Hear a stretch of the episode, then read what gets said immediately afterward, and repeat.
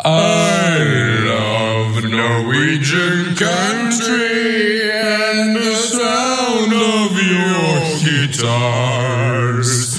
It reminds me of the greatest country stars. It reminds me of the greatest country stars.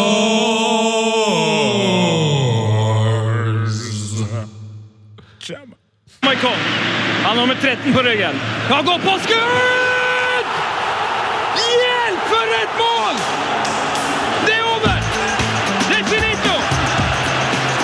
Det er klart! Vi er ferdig!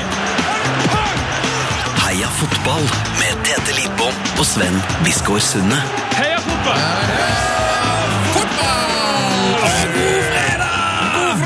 Endelig fredag! Heia fotball! Ja, nå er det lenge siden sist. Nå er det lenge siden sist. Mål, mål, mål! Fine mål, stygge mål, mange mål og ikke minst selvmål. Og ikke minst straffespark. Eh, Det er overskriftene siden sist Heia selvmål. fotball.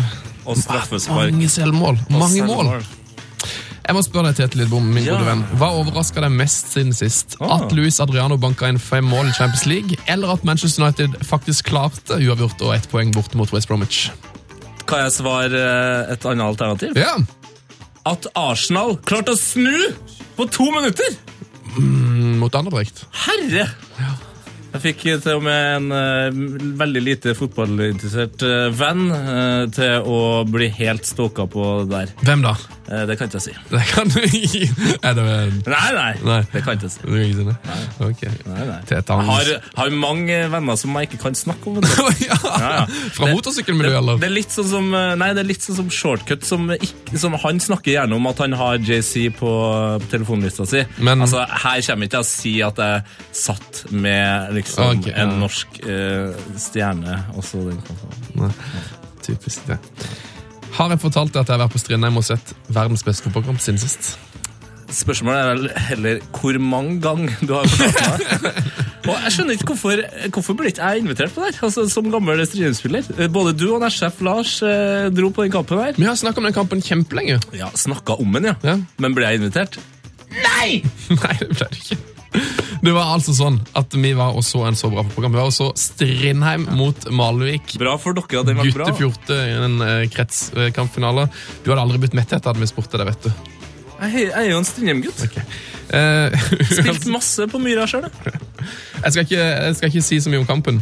Eller skal jeg det? Nei, du trenger ikke, men kan, folk kan gå inn på vår Instagram, P3 Heia Fotball, og se uh, et straffespark. Det avgjørende straffesparket som altså Se barnestorminga, det er jo det som er det viktigste. Ja, for det er det jeg skal si. Eh, Det er utrolig trist. Eh, En gang man blir den første der du bommer så hardt på straffa at du aldri finner ballen igjen. Eh, Det skjedde nok for den Malvik-gutten her.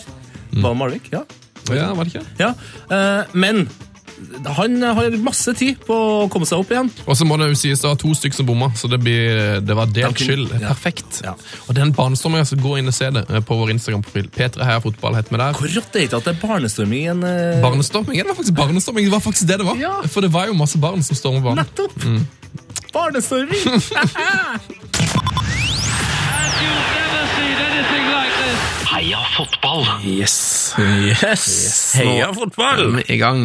Og eh, nå har vi fått besøk av gjest. Eh, ukas gjest heter Han har en meget imponerende CV. Han har spilt fotball sjøl, han har vært assistenttrener og talentutvikler i Rosenborg. Han har vært hovedtrener for Haugesund og Brann. Eh, han er nå trener i Hønefoss. Jeg har hørt at Paul Merson eller Tony Adams har overnatta i badekaret sitt, eh, og så var det muligens dagens gjest som egentlig innførte fotball i India. Eh, Rune Skarsfjord, velkommen til oss. Det var en voldsom introduksjon, men takk for det. Det var gøy. Og alt er sant! Jeg tror vi er i nærheten, i hvert fall. Ja, det er utrolig. Eh, Fortell om, fortell om når du innførte fotball i India. Ja, det er vel ikke så sant. Eh, Jeg har en viss mistanke om at det ikke var sant. Men vi, av en eller annen grunn, når jeg spilte i Lyn, så ble vi invitert ned til et sånn eh, opphold der nede i 20 dager hvor vi skulle spille tre landskamper, eller tre kamper mot det indiske landslaget. eh, På tre forskjellige stadioner. Og det var et voldsomt opplegg med svære postere rundt i gatene av lynspillere og Det var vel Av oppe i dere? 100 000 tilskuere. Av oss, ja. Jeg tror egentlig de skulle ha et Premier, et Premier League-lag, og så sa de nei, og så via noen kontakter så endte de opp med et Lyn. Så de trodde at vi var skikkelig gode. Eh, så vi ble be behandla som, eh, som eh, Premier League-stjerner mens vi var der, og vi var jo ikke i nærheten.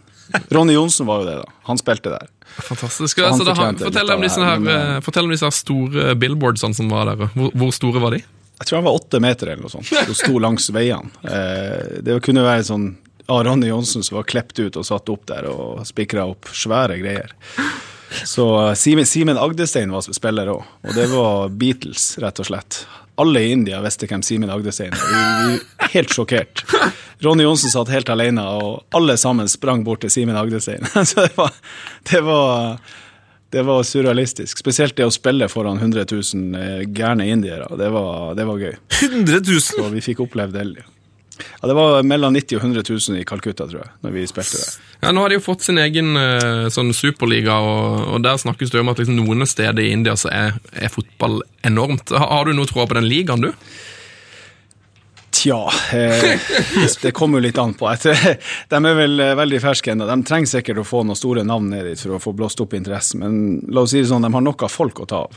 Publikumstilstrømninga bør være mulig å få til. Eh, Så eh, det er jo et potensial til å få, få noe til å skje der. Men det her var i 94, da var det ikke så mye liv. Men de klarte nå å samle 100 000 på kampene, så det var, det var en stor opplevelse for oss som var vant til å spille for veldig få.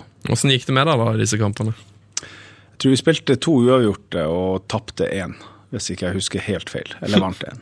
Det går rykter om at Jeg eh, husker, jeg, jeg husker jeg, Men jeg skårte, det husker Du jeg. hadde skåra, ja? Det var gøy. ja det, Jeg skårte eh, i, i Calcutta, det var gøy. Det, det går rykter om at eh, indiske idrettsutøvere ofte har så dårlige ankler. Eh, Kan du eh, av- eller bekrefte det her? Ja, det har jeg ingen anelse om. altså, Anklene til indiske fotballspillere, det vet jeg lite om. Eh, Jeg vet ikke om du vet det her, eh, Rune Skarsfjord, men eh, du har altså spilt fotball med min bror en gang i tida. Så derfor så har jo jeg, jeg har jo liksom en, en, en informant egentlig da til denne podkasten. Og han, eh, han har fortalt meg historie om at du som spiller prøvde å bytte inn på det sjøl. Og da er, jo, sp- da er jo spørsmålet som kommer til deg Når Rune Skarsfjord, spilleren, eh, åssen hadde Rune Skarsfjord, treneren, likt å ha han som spiller? Ja, det, hadde, det hadde blitt eh, skikkelig krasj. Eh, for maken til en plagsom spiller, det, må være, det kan ikke være lett for en trener. Nei, det, det hadde nok vært eh, elsk-hat-forhold, vil jeg tro. Eh, en utrolig eh, utålmodig spiller som, eh, som de fleste andre fotballspillere sikkert følte han var litt bedre enn han egentlig var. Og eh, var flinkere til å se feil hos andre enn seg sjøl. Så eh, jeg tror nok, eh, i likhet med veldig mange andre spillere jeg har opplevd som trener, så var jeg nok litt i den gata sjøl også. Stemmer det, som min informant sier, da, at du prøvde å bytte deg inn på sjøl i en kamp? Går det an å bare si? Som spiller? Ja, han sa det at du var en, en kamp du hadde sagt at du kom til å avgjøre kampen. og bare her må du få satt meg innpå. Ja, det følte jeg var helt naturlig å si hvis jeg var på benken. Eh, så det, det, det kan godt hende at jeg har sagt.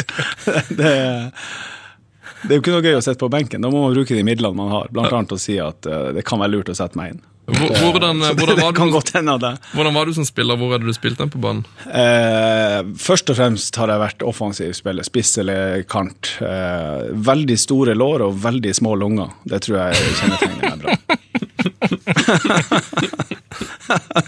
Jeg, nemlig, jeg har eh, faktisk eh, Du, du var vel juniortrener på, på Rosenborg på et tidspunkt, var ikke det?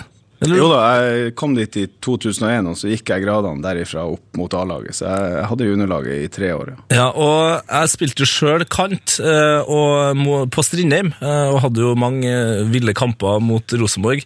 Og jeg husker deg godt som en meget, meget engasjert type, og jeg var kanskje litt sånn lik deg når det gjaldt spillestil og type. Så jeg, vi har krangla ganske mye faktisk inne i Abrahallen, altså.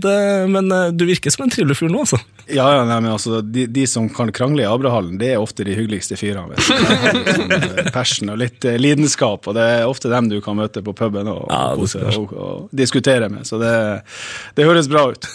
Eh, faren din, Terje Skarsfjord, han var en uh, trenerlegende i Tromsø, samt at han i likhet med det var, var spiller før uh, det.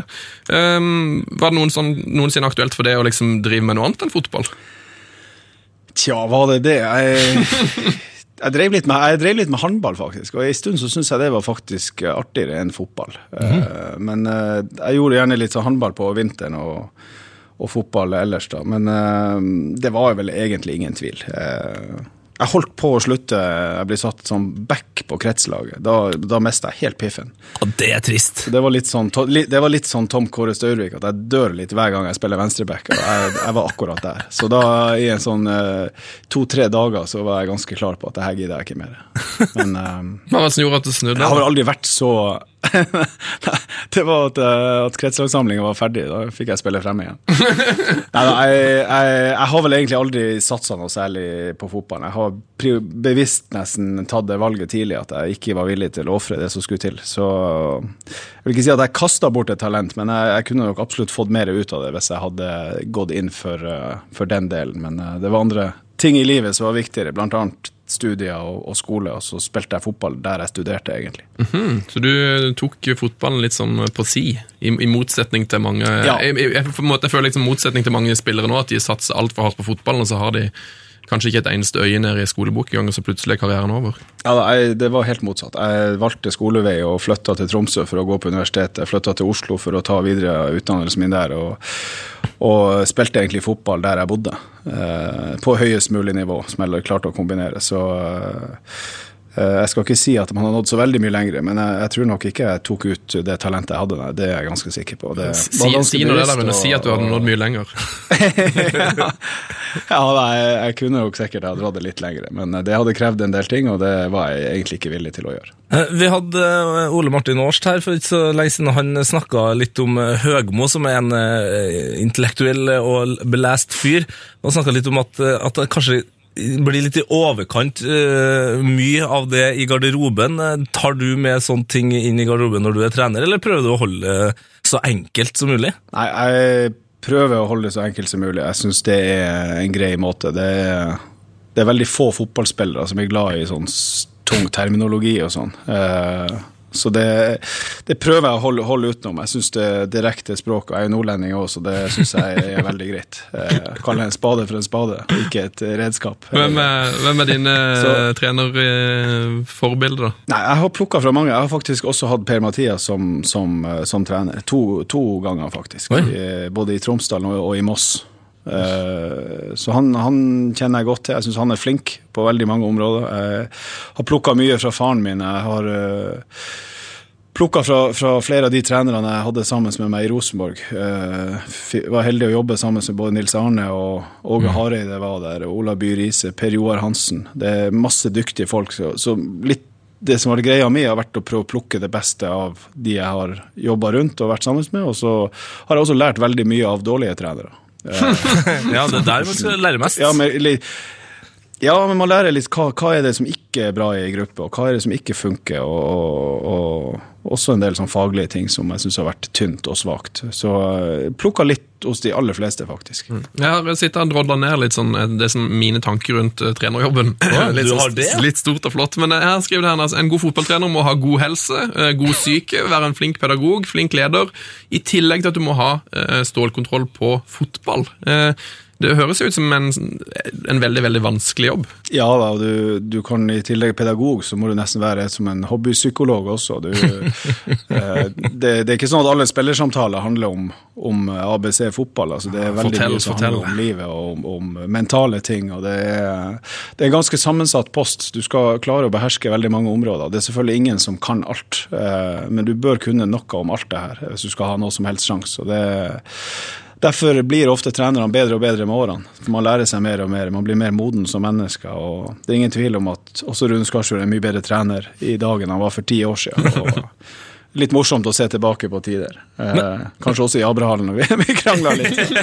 Så, eh, så det, det er en utviklingspost, absolutt. Eh, men det krever mye, og noen plasser så, så blir du også behandla på en måte som du også skal takle. og det, det er en heftig jobb, men det er veldig lærerikt og interessant. og Jeg tror det er mye du kan ta med deg til resten av livet også. Men, men vil du si at når du i 2013 sa opp uh, trenerjobben i Brann, eh, så, altså en, by som er så, in, så interessert i fotball, og det er så turbulent, og det er så mye press, eh, altså det sånn, var det et sånn vendepunkt? Var, var det der du har lært mest, på en måte? Ja, på mange områder så, så var det kanskje der. For det er kanskje der det har vært heftigst, både plussene og minusene. Du får virkelig føle svingningen i både i livet og i yrket ditt eh, når du jobber i Bergen. og det det, det er ikke noe sjakktrekk å bli branntrener, for du er ofte prega i lang tid i etterkant. Om du ikke sjøl som person er det, så er du gjerne det i Fotball-Norge. For at det er ingen som går ut derifra med, med suksess og, og, og masse positive overskrifter. Det, jo lengre du er trener i Brann, jo, jo, jo jævligere blir det. Jo dårligere blir du, og jo, do, og jo dummere blir du, og jo mer usympatisk blir du. Og, jeg var på mitt fjerde år, så da kan du tenke deg sjøl. Stoppe det det eneste som kan stoppe en sånn mekanisme, det er hvis du har fryktelig mye penger eller et jækla godt lag, sånn at du er oppe og vinner ting i Bergen. Da kan du sitte lenge uten å bli slakta. Men eh, hvis du ikke gjør det, så, så spiser eh, på en måte forventningen opp eh, de forutsetningene som ligger der, og til slutt så, så bærer det helt, helt gærent av, sted. Og da, da er til slutt alt det gærent, både det du sier og det du gjør. Så til, til slutt så var det ikke, det var ikke noe mulighet for meg å fortsette. Det var ikke noe forutsetning i det hele tatt for å, for å fortsette. og, og når det også begynte å, spre seg litt mot eh, barna på skoler og litt sånne ting, så, så fant jeg ut at eh, det beste er å gi seg nå, og eh, kanskje burde jeg gjort det enda tidligere. For min egen karrieres skyld og sånn, for det ble, det ble for mye negative oppslag og sånn. og det til en viss grad så har nok det også prega ettermælet mitt, og det syns jeg er jævlig urettferdig, for å si det rett ut. Det høres ut som en, uh, at du angrer ganske tungt på den avgjørelsen, at du i det hele tatt uh, dro dertil. da. Eh, nei, nei, du kan heller spørre om jeg angrer på at jeg sa ja i 2010. Mm. jeg så jo, jeg visste jo, jeg visste jo hvordan det lå an økonomisk. og Jeg skjønte jo at det her ble, eh, ble noen jækla tøffe år. Vi skulle bygge ned hele klubben enormt mye økonomisk, og det ble noen år hvor det egentlig ble snakk om å overleve. og Alle trodde vi skulle røkke ned i 2011, men vi klarte å, å gjøre en sensasjonell sesong. og også i 2012 og 2013 så måtte vi slippe av gårde de beste spillerne på en måte nesten uten å erstatte dem. Så at vi fikk en nedadgående kurve med en fjerdeplass og en sjetteplass og en åttendeplass, det tror jeg var helt naturlig. Eh, Vi tok, tok vel opp ti egne juniorer i den perioden, og det har aldri vært gjort i Branns historie omtrent. I moderne tid, i hvert fall. Og, eh, men, eh, men som jeg sier, når du er så lenge i Bergen, så, så kommer kravene om resultater. og var, I fjor var det rett og slett ren slakt for at vi ble nummer åtte med det mannskapet, med masse egne unggutter. Og i år så har de forsterka stallen, og vi ser hvor de ligger henne. Så, så det løp nok litt, litt løpsk i forhold til både evalueringer fra media og, og forventninger og den biten som selvfølgelig sprer seg til supporterne. Så det var nok ikke helt rettferdig alt det som ble gjort. Ja, altså, det, du, du er jo inne på det her nå, eh, at de er, de er på god eh, vei ned. Med en trener som altså, har vunnet seriegull i, i Sverige for et år siden. Altså, hvordan tror du Nordling har det nå? Jeg føler veldig med både han og spillerne. Eh, Jeg er veldig overbevist om at de klarer det. Jeg syns de er såpass gode. og Skulle det bli kvalik, så er jeg helt overbevist om at det går veldig greit. Så, så jeg både håper og tror at de, at de kommer ned på beina og, og alt sånn, men eh, men uh, det må gjøres en jobb der, og det, det er ikke bare bare å, å si at du er god trener uansett hvor du kommer hen. Jeg tror Rikard Norling er en kjempegod trener, og han virker som en flott fyr også. Uh, og det første året blir du ofte behandla veldig godt. Det ble også jeg. Mm. Uh, og så er det resultatene som egentlig avhenger hvor mye idi- idiotforklart du blir de neste årene. Du var inne på det her at eh, det hadde til og med gått utover ungene dine på skolen. og sånn. Eh, på en måte, kan du fortelle litt mer om det presset som er i Bergen? Hvordan, hvordan forhold hadde du til fansen, og hva, hva fikk du slengt etter det som, som person, liksom, som du følte var usaklig? Nei, Jeg hadde sjøl et veldig sånn avslappa forhold. Jeg hadde full forståelse at supporterne var misfornøyde hvis vi tapte. Vi tapte jo veldig ofte borte. Men eh, altså, fotball er jo lidenskap, og det, det med supporterne eier jo klubbene. Ja. Eh, både med hjertet og ofte eh, sånn organisasjonsmessig også.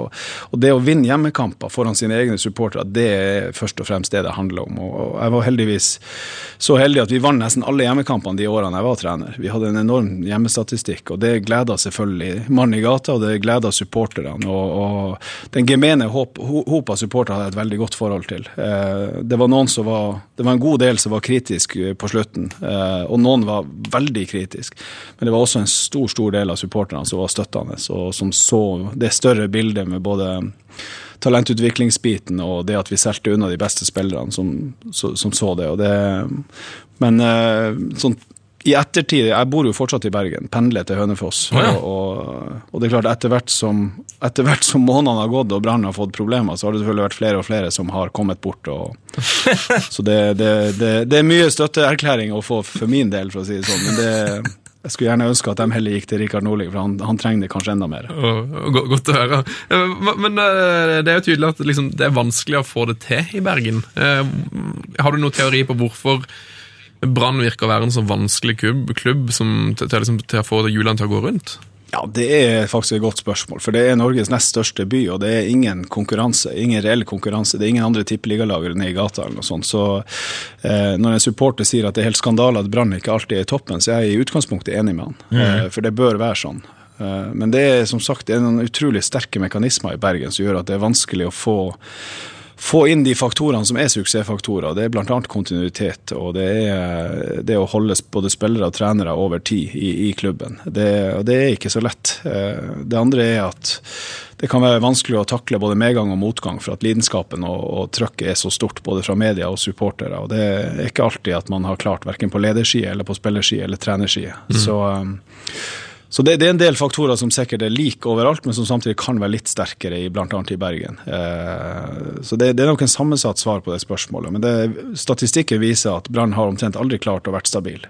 Eh, å si noe av det mest stabile som har vært, var jo når Mansiva Mjelde var der og hadde eh, veldig godt mannskap i mange år og, og gjorde en kjempejobb. Eh, etter det så er det faktisk nesten de tre årene jeg har vært der som var mest stabil, hvor vi ble nummer fire, seks og åtte.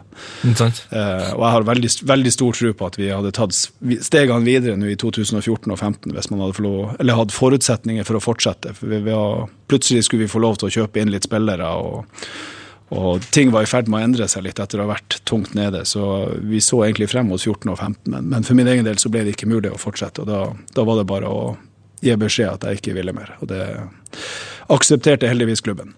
Hvordan, er det å, å bestemme seg for å si opp for en sånn jobb? Det må være ganske sånn heavy avgjørelse.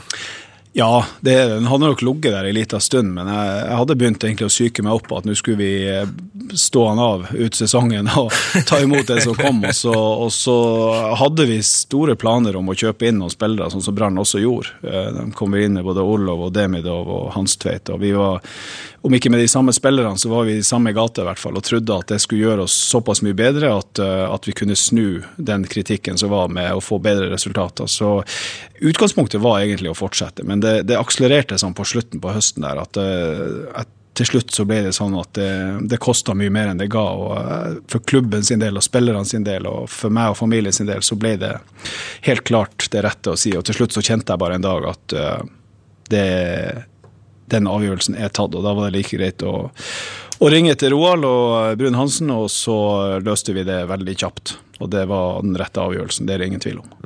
Eh, la oss snakke om noe For, for min del, i hvert fall. Del. Men la, la oss snakke om noe triveligere. Jeg har fått eh, beskjed fra min informant om at eh, jeg må spørre deg åssen du fridde til kona di. Ja, det, det er en lang historie. Det, var, det starta vel med Jeg vet ikke om jeg får lov å si det hos kona mi, men hun hører, hører jo ikke på det her. Nei, hør på det her. Det starta, det starta rett og slett med en lapp under tallerkenen på frokosten. Som jeg hadde lagt til henne. Det var eh, en flybillett, en såkalt blåtur fra Haugesund til Oslo. Eh, Og den inneholdt litt av hvert, eh, men den kulminerte vel på Vi hadde ei datter med oss da som var to år, og hun var med oss, og vi var jo litt bundet på hotellrommet med det, men eh, til slutt så banka min søster på hotellromsdøra, og da kom hun fra Tromsø med fly og med en billett til en konsert med Tom McRae, som er en av våre favoritter, en sånn singer-songwriter som skulle spille på rock, utsolgt Rockefeller. Så vi dro dit og hadde da fått et bord oppå oppe i andre etasjen der, helt fremst, som var ordna på forhånd med navn på alt. Og så et, Etter låt nummer to så, så leste rett og slett Tom McRae opp et frieri til henne fra scenen. Det, da ble hun bleik om nebbet, for å si det sånn. Så eh, han, bare, han bare skrek i mikrofonen, så sa han "And 'What's the answer?' Og så ble det helt stille på Rockefeller. Kom et, kom et lite pip med et ja der, og da, da satt jeg på kne med en ring. og det... oh, fy fader. Så det, det lyktes. Det var, eh, jeg trodde det måtte noe sånt til for å få ja. Jeg, jeg hun, hadde, hun, hadde ikke så mye valg. Så det var litt dårlig gjort, men, men vi er gift en dag i dag, så jeg, jeg håper at det var et rett valg. Ja, fantastisk ja. at du har altså, Så det var gjort, gjort litt forarbeid der. Nordnorsk mot, Ja, mot, det var, vil jeg si. det var spesielt. Det sto til og med i konsertanmeldelsen, og den har jeg tatt vare på. Så det, det er gøy. Ja, Tom. McRae er en god mann. Ja, ja, ja, ja, ja. Det er en god mann. Eh, Du var inne på der at du eh, før frieriet så fløy du fra mm, eh, fra Haugesund, der har du jo vært trener. Eh, og da hadde Ja. du jo en, en landslagsspiller i dag, Håvard Nordtveit. Eh, og jeg vet at Arsenal drev på og fulgte han veldig tett. Kan du bare fortelle litt om hvordan, hvordan det er å ha en spiller under seg som, som blir fulgt av Arsenal? For de er jo kjent for å drive på med sånn knallhard scouting. Ja, da Håvard tok, tok eh, opp i Asdalen og var 15-16 år der i, i Haugesund. og eh, En fantastisk spiller og type å jobbe med. Men eh, så Det første han fikk beskjed om, det var at enten Haugesund Skulle han ut, så var det kun én klubb i hele verden som teller, og det er Arsenal. Eh, Det syns jeg var helt naturlig. For det, så eh, Håvard visste det, at hvis han ikke dro til Arsenal, så ble han i Haugesund. Så eh, den var avgjort veldig tidlig. Eh, Men så kom Arsenal og begynte å følge han, og de var til og med med til La Manga. Stilte med en egen mann med egen, egen bil og satt og så på alle treningene der. og Da skjønte vi at det var alvor, egentlig. Wow. Så eh, når We- Wenger til og med kom til Haugesund stadion og så tidenes dårligste Adecco-ligakamp, så, eh, så skjønte vi òg at, at det kunne gå. Har Wenger vært på eh, var- Haugesund-kamp? Ja da, Wenger var, var ringside på Haugesund stadion. Det er faktisk sant.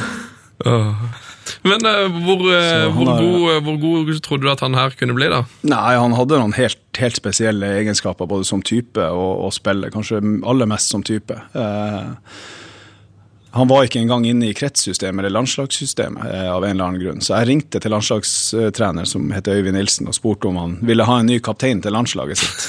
Eh, heldig, heldig, heldig, heldigvis så stolte Øyvind på meg, så han tok han inn på samling. Og han ringte tre dager etterpå og sa at eh, takk Rune, du har gitt meg en ny kaptein, sa han. Og etter det så gikk han vel videre til, til U19 og U21 og til Arsenal og har fått en fantastisk karriere. Så, men han har virkelig jobba hardt for det og, og fortjener all den fremgangen han har fått. For han har gjort de rette valgene og de rette tingene. Det er en fabelaktig gutt. Så det Jeg- hadde, jeg hadde også ikke vært besøkt, for besøkt, han i Arsenal da han var der. Ja, Hadde det ikke vært for Rune Skarsgård, så hadde det ikke Hadde kanskje ikke uh, han Nordtveit blitt oppdaga engang. Kanskje han hadde fortsatt bare vært uh, en. Spilt nede i hadde Haugesund Eh, Jeg skal ikke ha mye av æren for hans karriere, det skal han ha sjøl.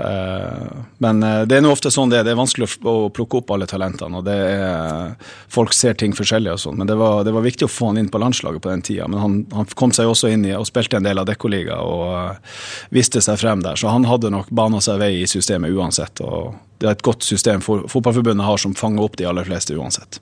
Eh, Men når vi først er inne på Arsenal, så du tar liksom ikke helt og fullt eh, æren her for, eh, for Nordtvei sin karriere, men du har vel æren for at eh, Paul Merson og Tony Adams hadde en god kveld eh, i, i ditt hjem. Det her har vi nemlig også fått fra vår informant. Dere har en god informant. Eh, ja, jeg skal i hvert fall ikke ha ansvaret for deres eh, utfordringer i privatlivet. Det, det tar jeg ikke på meg, altså.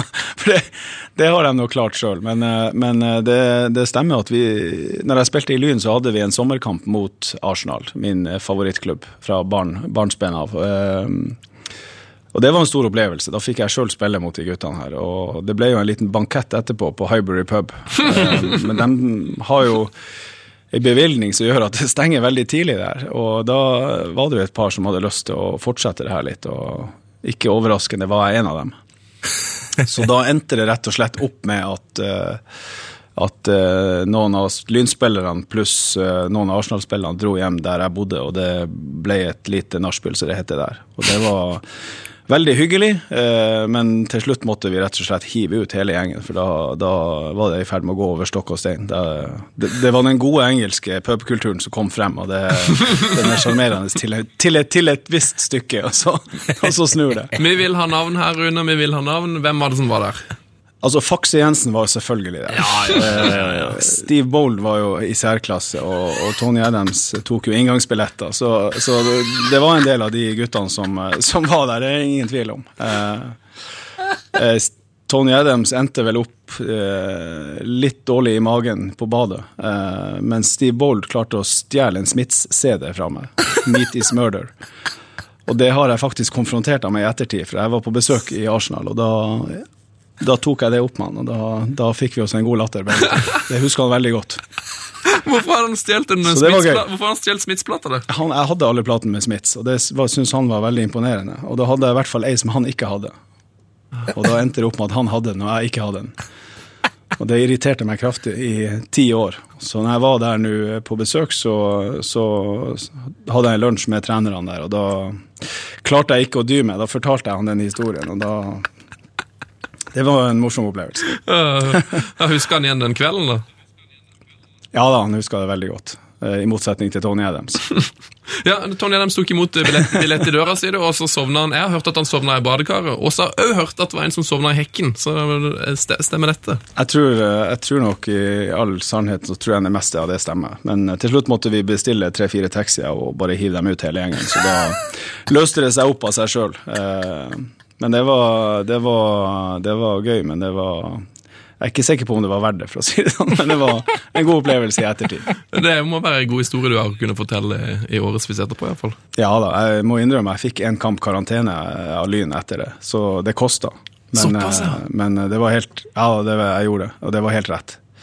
Så eh, til eh, unge fotballspillere, ikke, ikke, ikke, ikke hør på Nei, ikke, ikke gjør som jeg gjør, men gjør som jeg sier. Ja, ikke, ikke inviter engelske eh, avdanka fotballspillere på, på rommet ditt, eh, eller hjemmet ditt. Ikke avdanka, vi snakker jo om verdensklassespillere. Ja, det er jo det- er jo det. Ja, må ikke, ikke, ikke si noe gærent om Arsenal. Nei, er utrolig glad i Men eh, den kvelden, så var de, altså når de guttene er på sommertreningsleir, så, så, så var det ikke så mye fokus på indreløperbevegelser. Altså.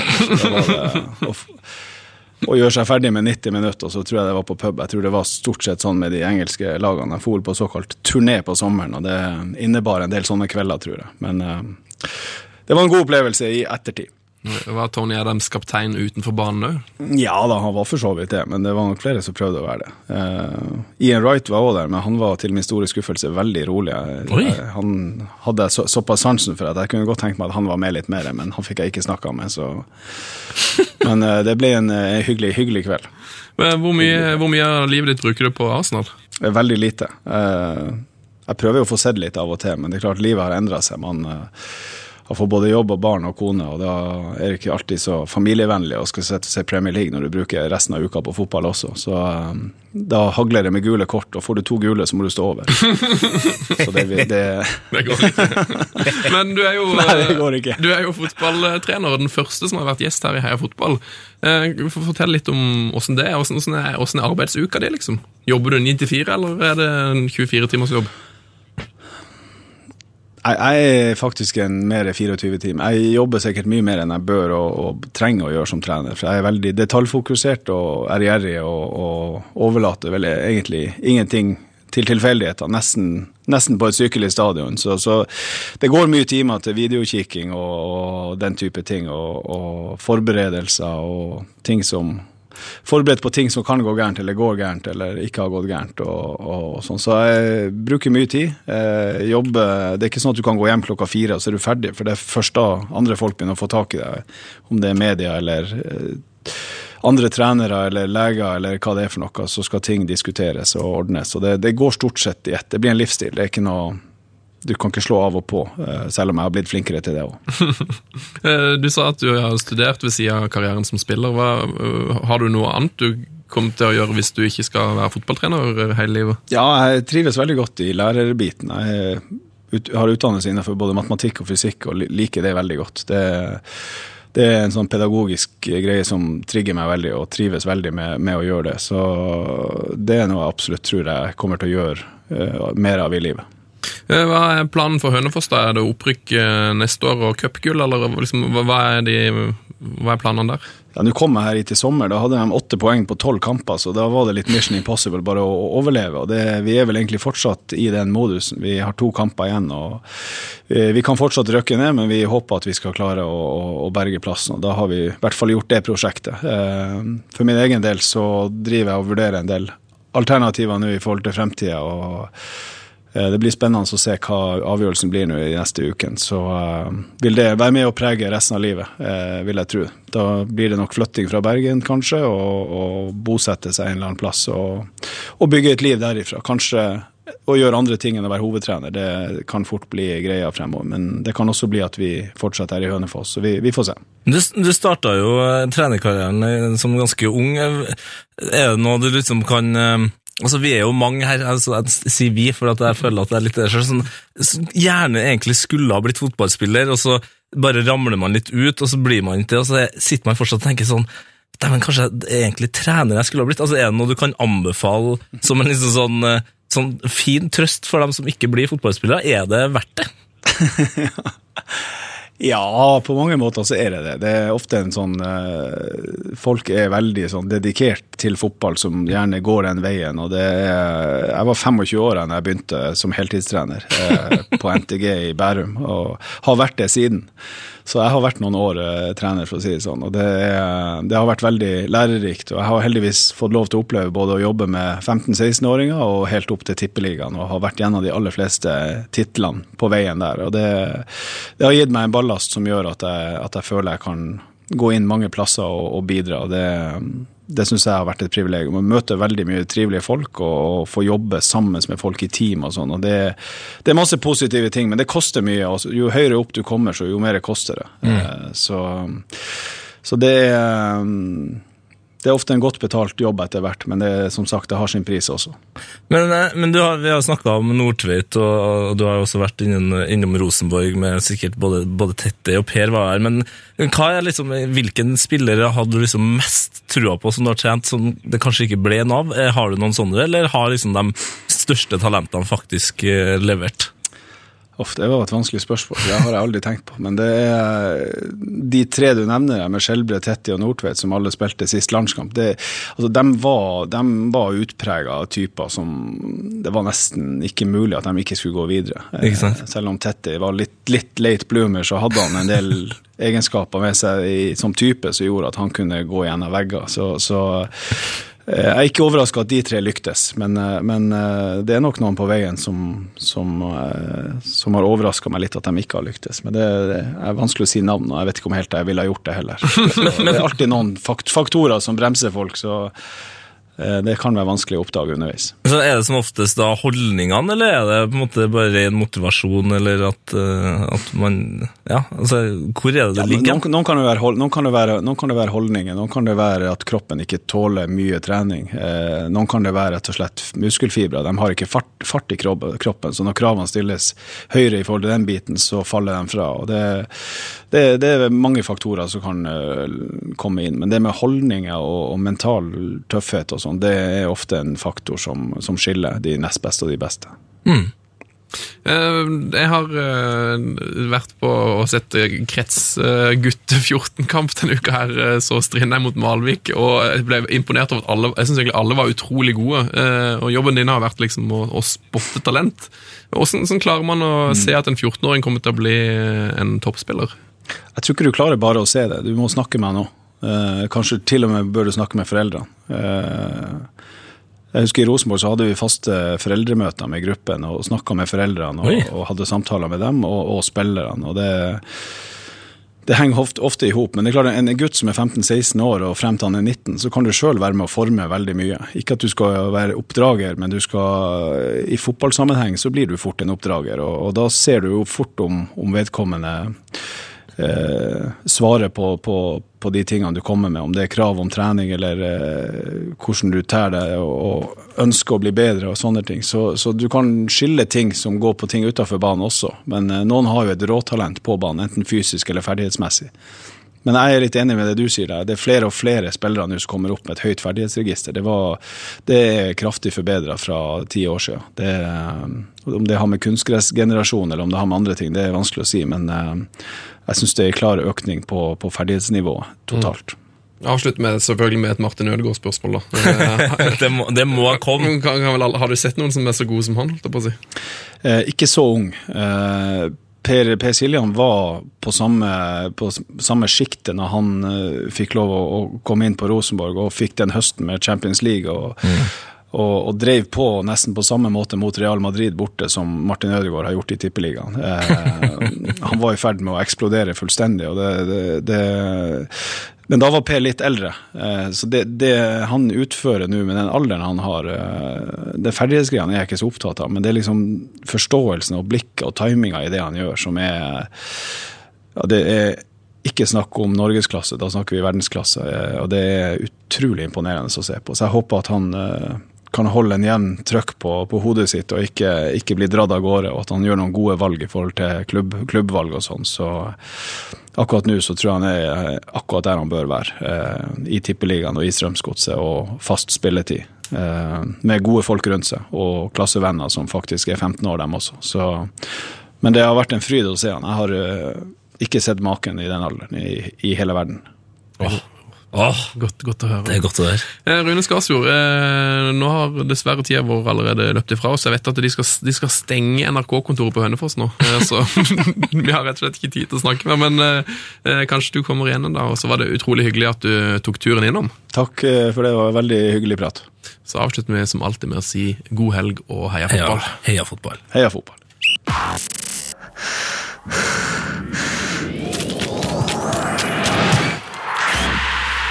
P3s Heia fotball med Tete Lidbom og Sven Biskår Sunde.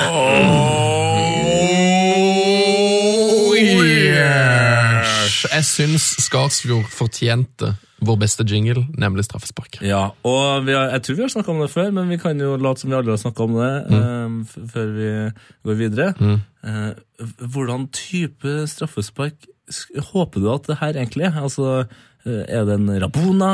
Eh, er det en chip, altså en Panenka? Eller er det dundring i krysstverla inn? Eh, Jeg håper det er sånn straffen til han, eh, han eh, Når jeg var på Strindheim-kamp vet du, eh, i, i uka, så så jeg jo en straffekonk mellom gu- gutte 14.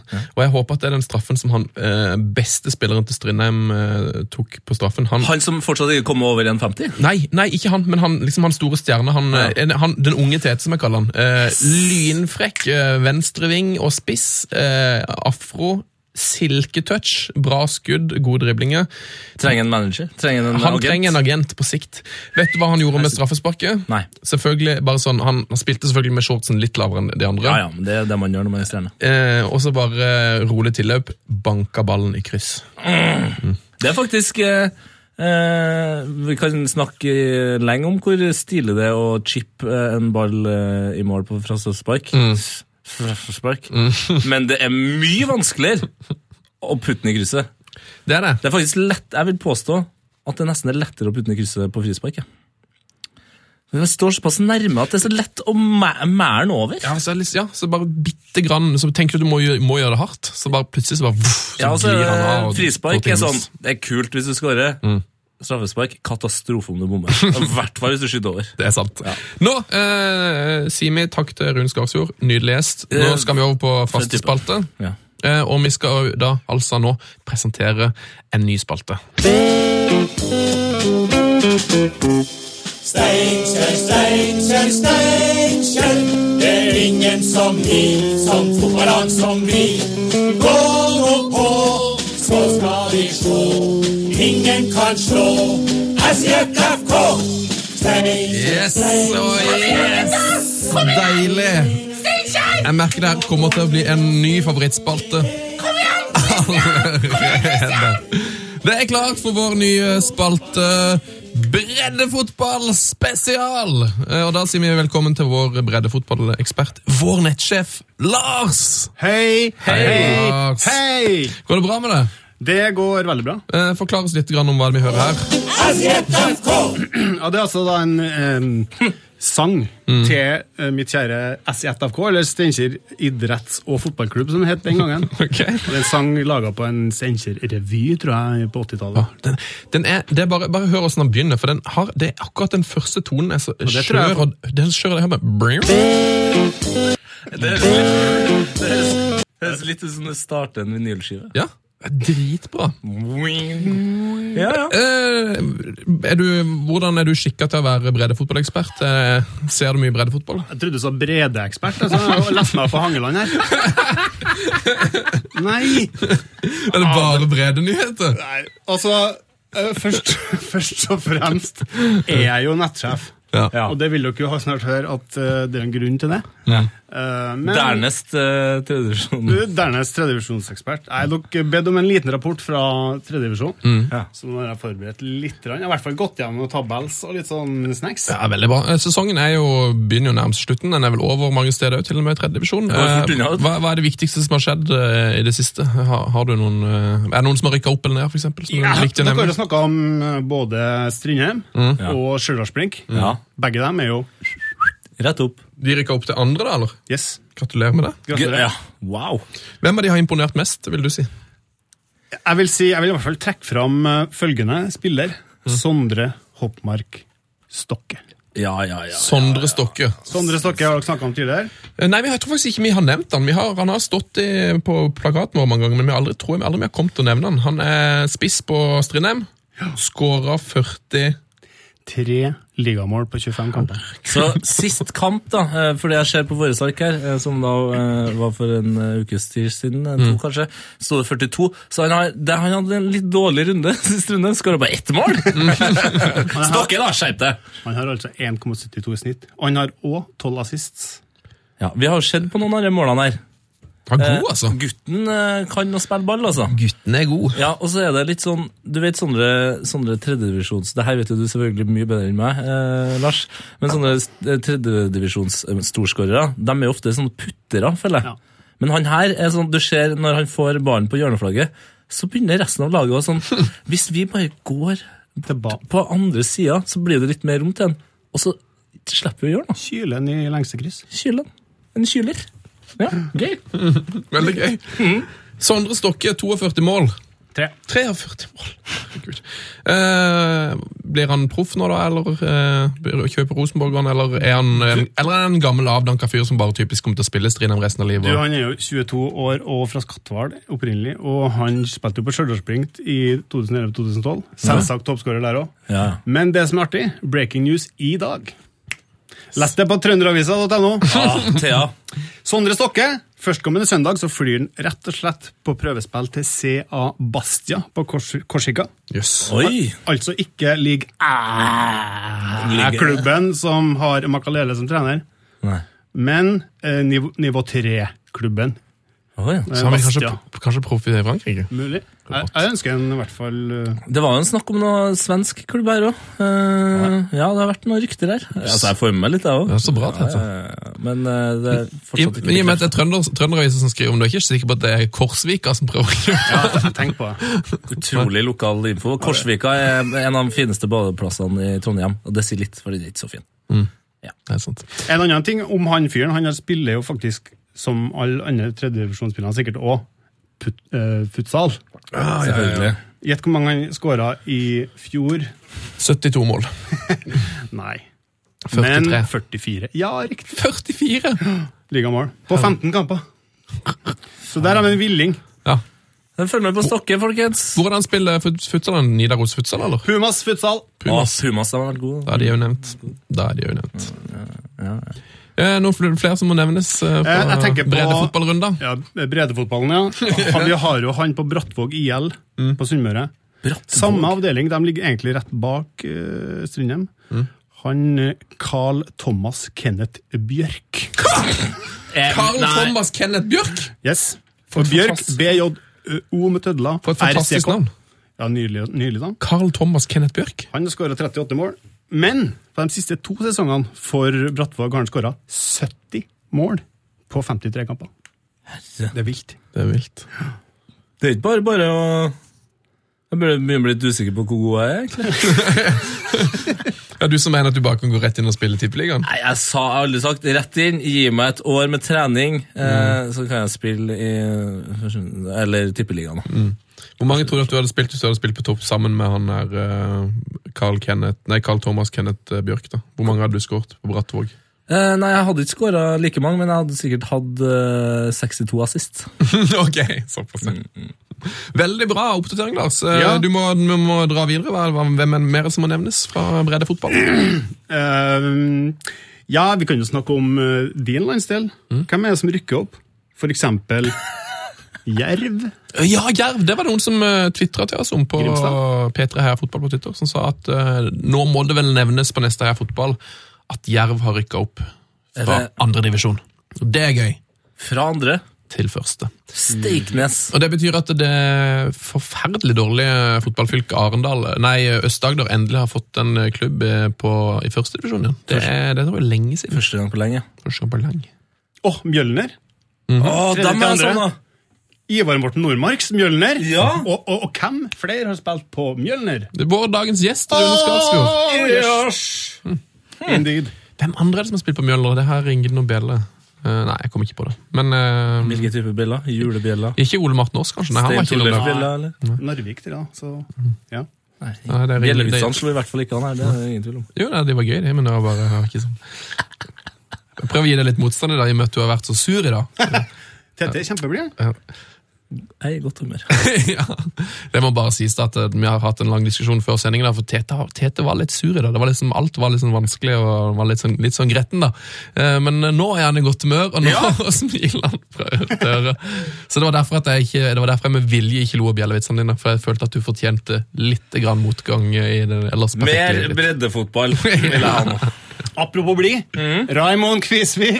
Den glad Hva skal vi si om han? Jo, nå har han vært med og tatt moderklubben Greåker opp til fjerdedivisjon. Oi, oi, oi. Fra femte til fjerde. De har ku, eh, tapt kun én kamp i sesongen. her. Er han spill, spilleren eller er han trener? Spiller. fordeler baller som en gud, den han. Yes. Dæven, det er en gull fot å ha nede i femtedivisjon. Ja, det er greit. Jeg, tror- jeg tror den foten klarer seg godt opp til andre, altså. Faktisk. Et lite PS da, han var også selvsagt å hjelpe uh, Sarpsborg FK. Altså ikke S08, men Sarpsborg FK Ja. til fjerde i forrige fjor. Så Så det- det er han, opprykks... Han er Hans, opprykksmann. hans nye geskjeft. Ja. Rykk opp med fjerde Litt sånn spillende Tom Nordli-aktig slags. slags. Var det noen mer som må nevnes fra Brederud, da? Eh, Det, det er litt artig da, at han eh, Mister Kai Leo i Bartalsstovu Er det et navn? Ja, det er fra han er færøysk uh, Kai? landslagsspiller, faktisk, som Si var med. si navnet hans, ja. Kai Leo i Bartalstovu. Jeg vet ikke hvordan det uttales, men det skrives som sånn i hvert fall. Han var nettopp med i EM-kvaliktroppen eh, for Færøyene mot Finland. Der tapte de 1-3 hjemme, dessverre. Men under 24 timer senere var han på banen for Levanger 2, som grust Lånke hele 9-0! Han skåra mål, da. Flere assist. Steike. Gratulerer! Der Du er blir god når du bor i Berlovstugu. Fin kontrast her, tenker jeg, med EM-kvalik til norsk femtediv. Smell. Veldig bra, Lars. Veldig bra. Noe mer som må nevnes, eller skal vi reise videre? Vi kan godt uh, reise videre. Ok! Heia fotball med Tete Lidbom og Sven Biskår Sunde. Faen, altså! Tar med oss litt trafikknyheter nå fram mot fem. Peter Lidbom er på plass. Han har full fart nedover i stolen, og ved min side sitter fortsatt vår bredde fotballekspert Lars. Ja. Jeg tror jeg kunne blitt en ganske habil sånn, eh, sånn DJ. eh, på sånn Trafikk-DJ, rett og slett. Overlevde du det, Tete? Du vet, altså jeg har aldri Altså Jeg er ikke gammel nok til å ha hatt anginaanfall eller slag, eller noe sånt, men hvis du ser på høyre side av fjeset mitt Jeg har mista litt piffen. Du tenker på piffen. Men eh, du er, det er bare at du er i dårlig humør. Det er ikke vår Nei! skyld. Det er Det er den, skyld det er den jingelen der! som gjør, gjør at du blir helt gal. Det er som å drikke, det er som å drikke Kun- åtte Red Bull og så være med på den nedturen etter. Du vet når du drar, på, du drar ut på byen eh, edru. Ja, det er sånn det er! Det, Ja, det er akkurat det! det. du det er klinker ned, klinkende så kommer du inn, og så er det utestedet du drar på, det, der kommer du rett inn på klubben. Mm. Der folk bare står og, og hiver drinker rundt seg. Sånn Ja. føles det. Ja, men jeg liker denne her så godt. Så det er jo rart at vi er såpass uenige der. Skal vi ta med oss litt uh, uke fra nyheter fra uka, ukene som gikk? Du mista det, du òg. Mm, ja, ja, men det gjør jeg jo stått søt og stadig. Uh, vi har med oss eh, nettekspert uh, Lars fortsatt, nettsjef. Går det bra der borte? Det går kjempebra, hei. Så du Lamela-målet i går? Åh! Rabona og Siggen kalles jeg bare. Rabona og Siggen, rett og slett. Eh, Nydelig mål. Ja, det, det var en kompis eh, av meg som eh, sendte en melding, eh, Tottenham-fan han òg. Mm. Han skrev Det der gjør du vel bare på kødd? Det så litt sånn ut. Ja, for, men hvorfor gjør han det? Altså, Det er jo helt idiotisk. og Han står i en fin posisjon til å bare tre ballen opp i krysset, og så kjører Det- han Rabona. Det er jo helt spesielt gjort. Det har jo vist seg under VM Mm. eh, at, eh, at Argentina sikkert trener 20 minutter mindre, eh, eller kortere, da, Mm. enn alle andre lag. Eh, og så finnes det liksom noen av dem som er sånn men faen, hvorfor er vi ferdige med å trene nå? Altså, Ingen dem som får lov til å ta frispark, for det er jo Messi som skal gjøre. Så hva skal jeg med på? De Mm. øver på Rabona. altså, Di Maria, Rojo og eh, Lamela. Det er det han driver med. Apropos Rojo. Rojo! Eh, han er jo på vårt eh, drømmelag i eh, Heia fotballs eh, språkreise. Eh, sjekk ut hashtaggen på Instagram, HF språkreiser. Eller så må du altså gå inn på vår eh, Facebook-side, det er jo der det virkelig skjer nå for tida. Der ligger det en video av HF språkreise hvor eh, vi har lagd vårt favoritt Manchester United-lag. Eh, basert på Uttale. uttale. Og det Her skal vi med andre lag òg. Ta det helt med ro, Ja. Arsenal-fans. Veldig morsom video som nettsjef Lars har lagd, eh, og der er jo Rojo med. Ja, for ikke snakke om Herrera. Åssen uttaler du Herrera, Lars? Riktig. Jeg var jo, altså, Vi diskuterte jo laguttaket litt, og jeg, sier- jeg må si jeg er litt skuffa at ikke Rune kom med. Eh, Men ellers syns jeg det er et strålende lag. Det sier litt om hvor bra laget er. Ja. Eh, Rooney kom ikke med, for vi måtte ha med Karek. Eh, Podolski, eh, vi må nevne han, Lukas Podolski hadde kanskje ukas deiligste tweet. Eh, Han ble linka til en overgang til Tottenham og svarte med at eh, han ville ikke gå til Tottenham eh, i det hele tatt. Da ville heller helvete fryse over før det, noe sånt ville skje. Da var det vel en artig kar, eh, vår venn Fagmann, som tvitra rett tilbake til Podolsky eh, med værvarselet fra Hell utenfor Trondheim. Og der var åtte grader, så det, det, det har ikke frosset helt ennå. Så det Så overgangen er fortsatt Tottenham! ass! Så he, når det blir frost Det er jo bare et par uker til. Ja, så, Januarvindu! Da er det jo garantert minusgrader i Hell. Perfekt. Det blir Tottenham. Gratulerer med det, Tottenham. Dere får Podolski i januar. Eh, Generelt mye bra tvitringer for tida. Eh, West Bromwich Albion de tvitra jo at de håpa at um, når Fellaini skulle innpå mot West Bromwich, så, så tvitra de at ja, Fellaini er i oppvarming. Eh, håper ikke det viser seg at han har en West Bromwich-drakt under eh, over, eh, overtreksen.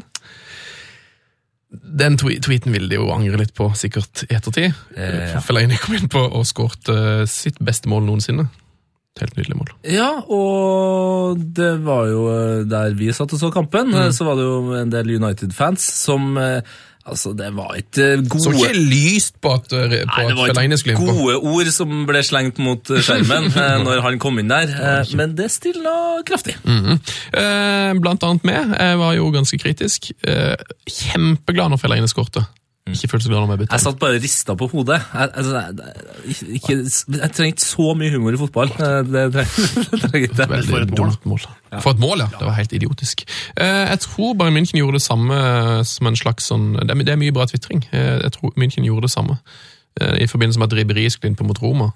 Og så stod, Der skrev de sånn eh, Frank Ribéry varmer opp. Eh, vi håper at han har en Bayern München-drakt under under Ja, de følger med på Twitter. Veldig bra. Det gikk, gikk jo bra, det. Det gikk greit. Det gikk Altså, greit. det, jeg følte at det var en sånn Det er sjelden at det er sånn at alle eh, pundits, fotballeksperter, eh, tippeeksperter, alle er enige. Mm. Den kampen her, den blir så jevn, den. den blir så gørejevn, den kampen her. Åh, det, kan, det kommer mest sannsynlig til å bli kjedelig, den kampen her. 1-1. 21.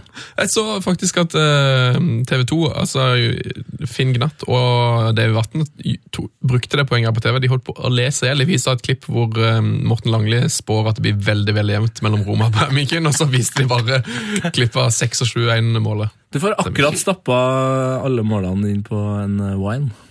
Men da skal du være skal kjapp, ass. Det er veldig kjapp. Rekker du alle på én? Ja. Gjør du det? Ja, du, får, du, får, ikke- du får ikke Nei, straffesparker som går liksom ikke inn. Det skjer ikke. Ja, det er dårlig klipp. Det hadde, det hadde vår nettsjef fiksa. Ja. Ja, ja, ja. Hadde du fiksa. Skal du lage en winekonto til oss forresten på sikt? På sikt skal vi kanskje det, ja. Vi burde jo, vi burde jo vært bedre på wine. Ja, jeg skriver det opp, jeg. Mm. Kan ikke noen som eh, er dritgod på wine, som hører på, sende oss en mail? da? Mm. Kanskje vi Hvordan kan skal vi begynne gjøre å Nei, nei, det får vi til. Jeg, jeg bare sitter her Jeg fikk sånn sjeffølelse her nå. Eh, jeg bare sitter her, Kanskje vi må delegere mer til til dem som hører på? Ja. Åh, de Dere er jo så nydelige. Dere hjelper oss med masse fra før av. Ja. Begynn å lage wines for oss. Konge. Kjempeplan. Yes. Ok! P3s Heia fotball. Heia fotball. Med Tete Lidbom og Sven Biskår Sunde. Og òg med vår nettsjef Lars. Ja. Du, til helga, nå er det altså Det er så vilt med kamp. Jeg tror det må rett og slett, Vi skal ta en liten kåring her nå, innad i redaksjonen. Hvilken kamp gleder vi oss mest til? Eh, Det er jo altså toppoppgjør i Tyskland, eh, toppoppgjør i Spania. Eh, Ikke toppoppgjør i Manchester-Chelsea-kampen, men det er jo en stor, lag, i, storkamp iallfall i den eh, Chelsea United-kampen. Vålerenga Odd i Tippeligaen. Vålerenga Odd i Tippeligaen. Eh, Miska på Sandnes Ulf eh, Rosenborg eh, Nei, Rosenborg Sandnes Ulf på søndag, Tete. Eh, det er knallhard kamp om nedrykket der. Hvilken kamp gleder du deg mest her til å se i helga? Jeg gleder meg mest til å se hva Sunderland gjør mot Arsenal etter 0-8 i Southampton. Hva kommer til å skje der? Ja, og så er det jo igjen Blir det 8-0? Ja, nei, men så er det jo Arsenal, sånn som de har spilt nå. eh, Så er det liksom, Enten så er det tidlig mål, og så blir det så kjedelig. Altså, Sist helg Jeg holdt på å kjede meg i hjel. Jeg så nå kampen. Det blir ikke kjedelig, det blir ikke kjedelig mot Sunderland. Nei, det er nettopp det, da. Men, men Arsenal virker litt sånn eh, aspeløvete. Altså, det, er noe, det er noe med selvtilliten her som ikke helt stemmer. Så da kanskje det er helt omvendt. Ja. Kanskje det er Sunderland som vinner 6-1. over Arsenal. Men, eh, men jeg så ikke helt til å være var den du gleder deg mest til. Men eh, hva gleder du deg mest til? Dette? Nei, altså, det er én kamp jeg faktisk tjente reelle penger på i, i fjor, og det var jo Nei, det var kanskje i år, faktisk. Ja, det var Classica. El Classica. Mm -hmm. Så jeg skal prøve å gjenskape magien, samtidig som jeg skal se på de to beste spillerne i verden I verden ja. Noensinne. Jeg sier det nå. Oi. Noensinne. Det er så ingen som har vært Kan ikke være noen som har vært så god som de har vært over lengre tid nå. Altså, nå begynner det å bli Fotballen har jo blitt bedre. Mye bedre. Ja, ja. Og, men de toene Nå er de så gode, da. De holder jo på med noe helt De driver med noe annet. Ja, men det er jo samme, det gjorde jo Pelé og Maradona òg, for så vidt. Og Zidane de drev jo på med noe annet enn de andre. De her er to stykker. ja, De ja. knuser alle rekorder. Alle rekorder blir knust Ja. av de toene her. Ja, det er ikke godt å si, for det, som, det, det, som alle har et, som et argument mot um, uh, Pelé, da, det er at han hadde møtt så dårlig motstand. liksom. Fotball var så dårlig på den tida. Men det er jo litt sånn, det er litt feige lag for Cristiano Ronaldo og Messi. De spiller jo på to av de absolutt beste lagene i verden. Ja, men uh, altså, Ronaldo spilte jo mot Liverpool. Det så ikke ut som han var, ble noe dårligere av å spille mot uh, en av de beste lagene. En av de beste lagene. Altså, Nei, nei, men, men er altså- et bra lag. Ja, ja, det er et bra lag, men hvis du sammenligner med liksom, det som folk sier da, Brasil var så utrolig mye bedre enn alle andre. Real Madrid er jo utrolig mye bedre enn nesten alle andre. ja, ja. Jeg er helt enig. Jeg er helt enig. Ja, nei, men det er, Det er en interessant diskusjon som skal bli diskutert med Alltid. Ja, til evig tid. forever. Jeg har en uh, annen viktig kamp som vi må snakke om. Ja. Tilbake til breddefotball. Ja. Mm. Er det Steinkjer nå? Og det er ikke Steinkjer. Jeg håper det var Steinkjer, men det er faktisk Levanger. Er Levanger-kamp nå? Levanger, okay. hvis, hvis de ikke taper 12-0 mot Nardo hjemme, så rykker de faktisk opp til første div. Og det er lenge er lenge siden. siden et nordtrøndersk lag var oppe i første div. Eller i nest uh, høyeste nivå. Så de, kan, de har egentlig nesten rykka opp, men hvis de taper 12-0 eller mer, Ja, så, så ryker de Ja. opp. Skal Stig Kammen, eh, altså en uh, høyreback slash midtstopper med en helt vill høyrefot, hvis jeg ikke tar helt feil, kanskje det er venstrefot, Eh, dundrer inn en eh, 10-12 mål der, så eh, For han skårer mye fra Stig Kammen? Ja, Stig Kammen. På Nardo? Vill fyr. Vill fyr. Jeg gleder meg Jeg begynte å glede meg litt til å se den Levanger-kampen nå, men jeg gleder meg faktisk Det her det her har jeg fått streng beskjed av min bror om at det her kommer til å bli den villeste kampen i hele helga. Det er Gladbach mot eh, Bayern München Ja. i Tyskland. Eh, Ingen den- av dem som har tapt, eller? Ingen av lagene har tapt. Eh, Bayern München tapte vel kanskje den der eh, superfinalen før sesongen, men av de kampene i år, eh, ingen av lagene som har tapt. Og kampen er utsolgt. Min bror skal se kampen. eh, vært utsolgt i lange tider. De hadde betalt svinmye spenn for å stå sammen med München-fan, bortefansen. Det er ikke rart at han mener at kampen må bli bra, da. Nei, men den, det er jo Men han er jo en tysklandsekspert. Han elsker tysk fotball. Så, men jeg, jeg, et lite tips for de som eh, kanskje i likhet med oss kanskje ser mest på italiensk og engelsk og norsk. Få med deg tysk fotball den helga her. Gjør det. Mot Bayern München. Og jeg skal til Tyskland. Jeg har ikke vært i Tyskland, og sett fotball ennå. Og Jeg vært- ikke mye reise på kamp der? Vi skal jo dit. Skal på se Dortmund og Div. Jeg har lyst til å ta sånn langhelg, se, se litt forskjellige nivåer. For deg som hører på nå, du kan jo ikke Nå er det noen sånn drømmende øyne her. Altså. Det, det er tårer i øynene til både nettsjef og programleder. Og jeg kommer på en ting, Tete. Vi skal jo se Ulf Rosenborg på Lerkendal. Ja. Eh, den begynner halv fire. Klokka fem begynner United-Chelsea. Så det betyr at vi går glipp av nesten hele første gang. Nei da, vi gjør ikke det, for vi sitter på pressetribunen, og hva gjør vi der? Ser det på telefonen, vel? Riktig! To kamper på én gang. Triks, triks, triks. Ok, eh, skal vi snakke om at Platini vil innføre hvitt kort? Nei, det kan være nesten som en start på Shit, det rakk vi ikke. Ok. P3s Heia fotball med Tete Lidbom og Sven Biskår Sunde. Velkommen eh, til en, eh, en av våre mest populære spalte. Dette her er din spalte, Tete. Kan Riktig. ikke du kjøre en, eh, en liten intro for oss her? Å ja da. Shit! Ah, det rakk vi ikke. Vi kommer til shit, det rakk vi ikke. Det er, det er et punkt i sendingen hvor vi snakker om ting vi ikke rakk å snakke om. Eh, hva er det vi ikke rakk å snakke om fra fotballuka som gikk? Vi rakk ikke å snakke om at Mikael Essien har ikke ebola. Essien har ikke ebola. Ah. Eh, det sto det jo med Dagbladet i den forrige uke.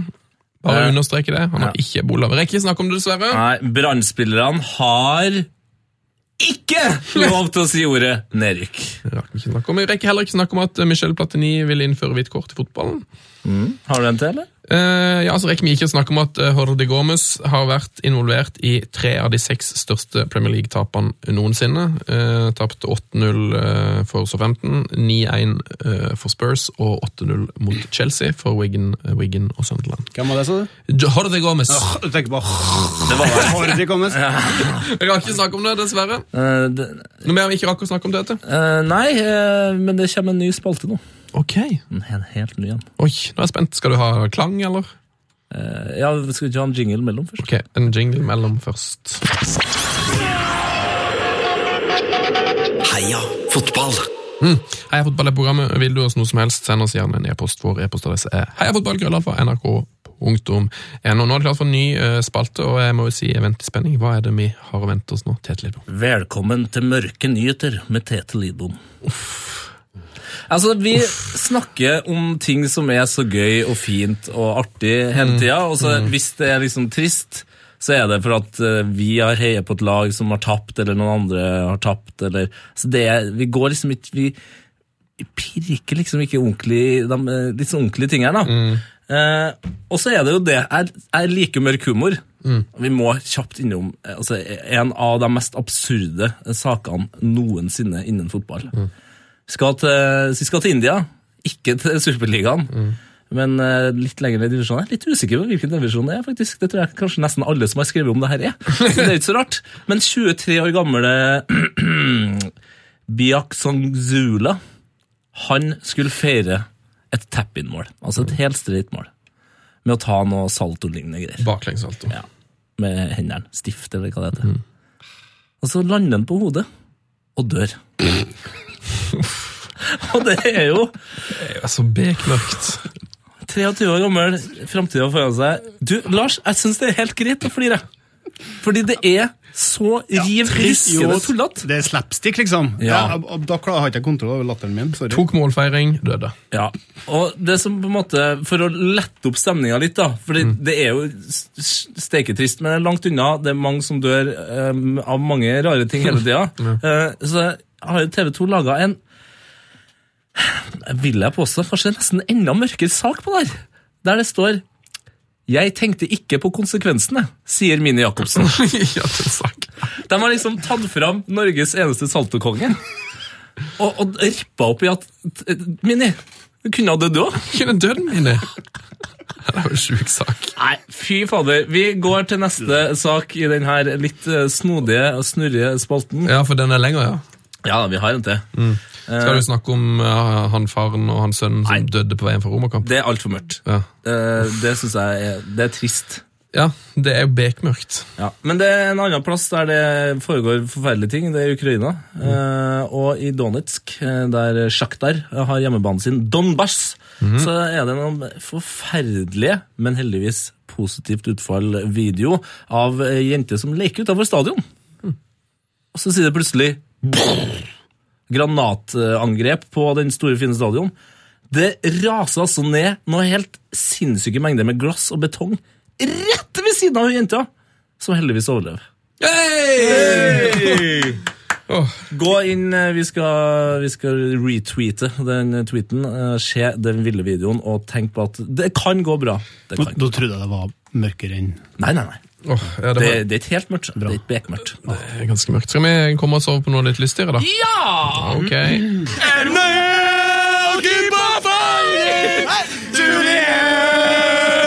Yes, takk til Vegard Forhen. Hvor mye lysere var det? Eller hvor mye mørkere? Kjempelyst. Eh, veldig fint eh, klipp fra Seymour, som er i garderoben etter at eh, Molde vant serien.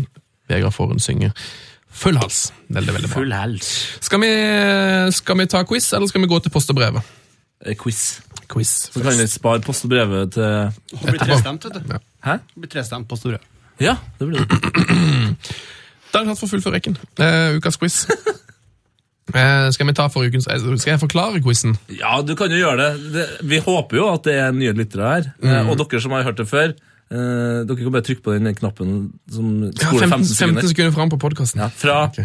Nå. Yes, uh, ukens rekke er ganske enkelt. Det er at Du får høre en rekke navn, og så skal du tenke jøss, hva er sammenhengen her? Så skal du fylle inn det neste navnet i rekka. Det er ganske enkelt. Fullfør rekken. Det er alt du trenger å gjøre. Hei tilbake til dere som trykka på knappen. Ja, eh, Forrige ukens rekke var som følger. Pablo Sabarieta, Gareth Barry, Jonas Olsson, Sheikh Tioté og eh, Og Ole Martin Aas var inne på at det her var et litt sånn negativt fortegn på denne quizen. Det var litt sånn, det var noe griseri. Um, Det var ikke antall mål skåra i karrieren. Nei, hva tror dere det er? Nei, det er, er det noe rødkort her? Eh, Kjappeste rødkort, kanskje? Mm, Å ja. Nei, det er det ikke. Nei. Det er noe, det er noe forseelse, som det heter nå. Ja, ja. Det er noen Forseelse. forseelser, tror jeg. Det er nok det. Hyppige forseelser. Oi. Eh, det er altså eh, de Pablo Zabaleta var den som fikk flest gule kort i Premier League i fjor. Uh, Gareth Barry fikk nest flest. Jonas Olsson var den som fikk tredje flest. Sheikh Dioté fjerde flest gule kort i Premier League i fjor. Hvem var nummer fem på lista? Hvordan kan Shake TOT ikke ligge øverst? Det er det jeg lurer på. Fikk kanskje for mange, kanskje han fikk for mange røde? Ja. Direkte rødt. Nei, det er iallfall uh, topp fire. Hvem er nummer fem? Den er vanskelig. altså Du må, nesten, du må nesten skjønne greia, så må du google det fram til svaret. ja, ok. Ja. Det er en back som har spilt i Manchester United før. Spiller nå på Stokey. Har han skåra mot United òg, eller? Ja, det Han gjorde vel det. Det var litt, det var litt humor, det. Han skårer ikke ofte, men han skåra den ene gangen. kan vel være Phil. Det er Peel. Det er Peel Beardsley, eller? Peel Bardsley. Bardsley. Eh, fikk eh, femt flest eh, gule kort i Premier League i fjor. Fikk ni. Det som er litt gøy, at på sjetteplass ligger en annen fyr som også fikk ni, men som hadde mer spiltid, og det var Marwan Shamak. Syns jeg var litt overraskende. Ja, og han skulle ha hatt rødt kort for den sveisen for lenge siden. Så. Jeg visste det kom til dette. Jeg visste det kom. Åh, Ok.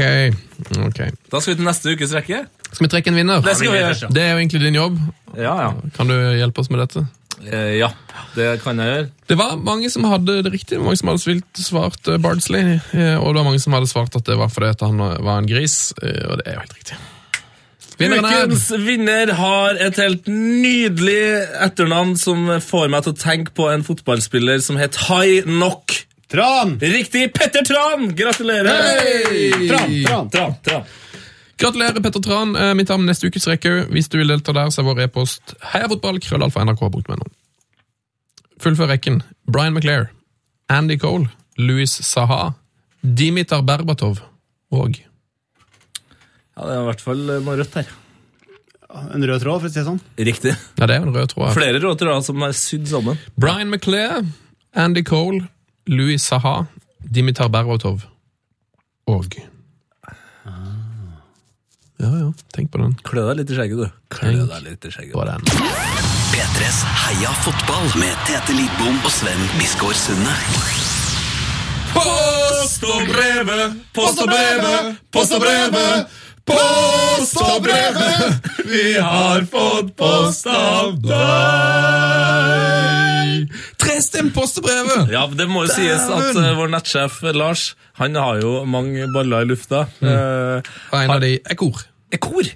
Ikke hvilket som helst kor. Svartlamon hardkor. Riktig. Du har ikke pu- er hvis da kan det har noe slags juledekor? Bildekor. Sånne ting? Ja, det til å skje? Vi må videre nå. Vi må videre nå, Vi har fått masse, masse fine brev. Um, vi rekker vel ikke alle. Vi rekker ikke alle. Vi rekker ikke alle. Smell. Uh, fått en mail her fra Sondre Bråten. Uh, han skriver Heia fotball! Ta en titt på dette særdeles spreke navnet fra det estiske landslaget. Skulle nesten tro han var innsender til post og brevet. Vennlig hilsen Sondre Bråten. Nei, jeg liker når de tar, altså, de tar tråden videre, Han altså. har lagt med en link til den estiske fotballspilleren Arthur Prikk. Det er jo gøy. Arthur Pick. Arthur Pick. Det høres ut som islandsk for er du pikk? Arthur Pick. Arthur Pick. Arthur Litt sånn som Løtis Gjør og Musa, eller? Ja, Løtis til Sierra Musa. Gå inn på P3 Heia Fotball sin Instagram og se en eh, fin feiring av deres bursdag. Fått en mail fra Terje Kjernli. God aften. Jeg holder nå på å skal flytte Nei, Han skriver på dialekt. Skal jeg ta det på, på trøndersk? Ja, kan ikke du gjøre det? God aften. Jeg holder nå på å skal flytte til Thailand rundt 23. oktober. Og jeg er jo fotballinteressert. Holder med Molde, jøss. Holder med Molde, siden jeg er oppvokst rett utenfor Molde. Bodd 19 år der og 21 år her i Trøndelag. Og så er det Chelsea i England. Jeg vil spørre dere om en byttehandel. Dere gir meg Heia fotballskjort, og jeg skal skaffe dere ei skjort og skjerf fra dette laget som jeg holder med i Thailand. Var ikke han fra eh, Han bodde 21 år i Trøndelag. Okay. Um, uh, jeg skal gi dere en skjorte med dette laget i Thailand. De lover dere bilder også. Altså, vi skal få drakt og skjerf fra det thailandske laget Ubon Ratchatani. Vi spiller deal or no deal. Ja, hva sier dere, Lars eh, Tete? Er det deal or no deal? Vil vi bytte Heia fotball-T-skjorte? Ekstremt eksklusiv Heia fotball-T-skjorte. Nå tror jeg vi har fem eller seks igjen. Ja, jeg skulle da si, har vi skjorta gi bort? Altså, hvis vi- vi kan få en thailandsk eh, drakt Ubon Ratchatani FC. Jeg sier Og deal, ass. Lett. Det er jeg som sitter på skjortene, så egentlig så har ikke dere noe å si. Da blir det deal. Eh, Terje har òg lagt med eh, en eh, adresse, men han flytta Han har flytta i går! Til Thailand? Han har flytta til Thailand. Det Ja, er det blir for dyrt å sende ut, altså. Jeg skal jo til Thailand i, i, i desember. Der, ok, Terje Kjernli, vi tar kontakt på mail. Det her skal vi prøve å få til. Du kan eventuelt Kanskje få få et det. møte? Ja, møte, møte Tete i. Ja. i desember. Konge. Jeg har en mail her, jeg òg. Hei, gutter, og heia fotball. Eh, Jeg tenkte jeg skulle lese også på dialekt. For det her står på bokmål. Tenkte dere ville vite at per dags dato er den tyrkiske ligaen et artig skue. Det viser seg at de ni nederste lagene har navn som slutter på spor. En artig situasjon som sannsynligvis skjer sjelden. Glemt å snakke bokmål. Eh, Det får meg til å undre. eh, Hva kan være grunnen til at de dårligste lagene i Tyrkia slutter på spor? spor? Ja, det kan vi jo finne ut av. Skal jeg prøve å komme meg gjennom de lagene her? Ja, ja, ja. Det er det dårligste. Ok, det her er vanskelig. Jeg er jo utrolig dårlig til å lese. Uh, mm, har veldig god teori. Ja. Kjør på. Gaziantepspor, transbandspor, Bursaspor, Konyaspor, Kaykurrizspor, Eigizahirspor, Zivaspor, Karakbukspor, Eriksihespor, Balikshirspor. Karabukspor er jo laget til Morten Gahrs Pedersen. Samme, der skal man ikke feriere. Nei. Og Trabzonspor er jo et habilt De har vært gode ganske lenge. Vet du min teori om hvorfor alle sporlagene ligger sist? Uff, er det et ordspill nå? Jeg har et ordspill på gang. Ok, greit. De bryr seg ikke det spor om ah. tabellplassering. Frank til spor, eller? ja. Jeg tenker på, Du vet hvem som ligger sist i toeren? I Tyrkia? Bremsespor.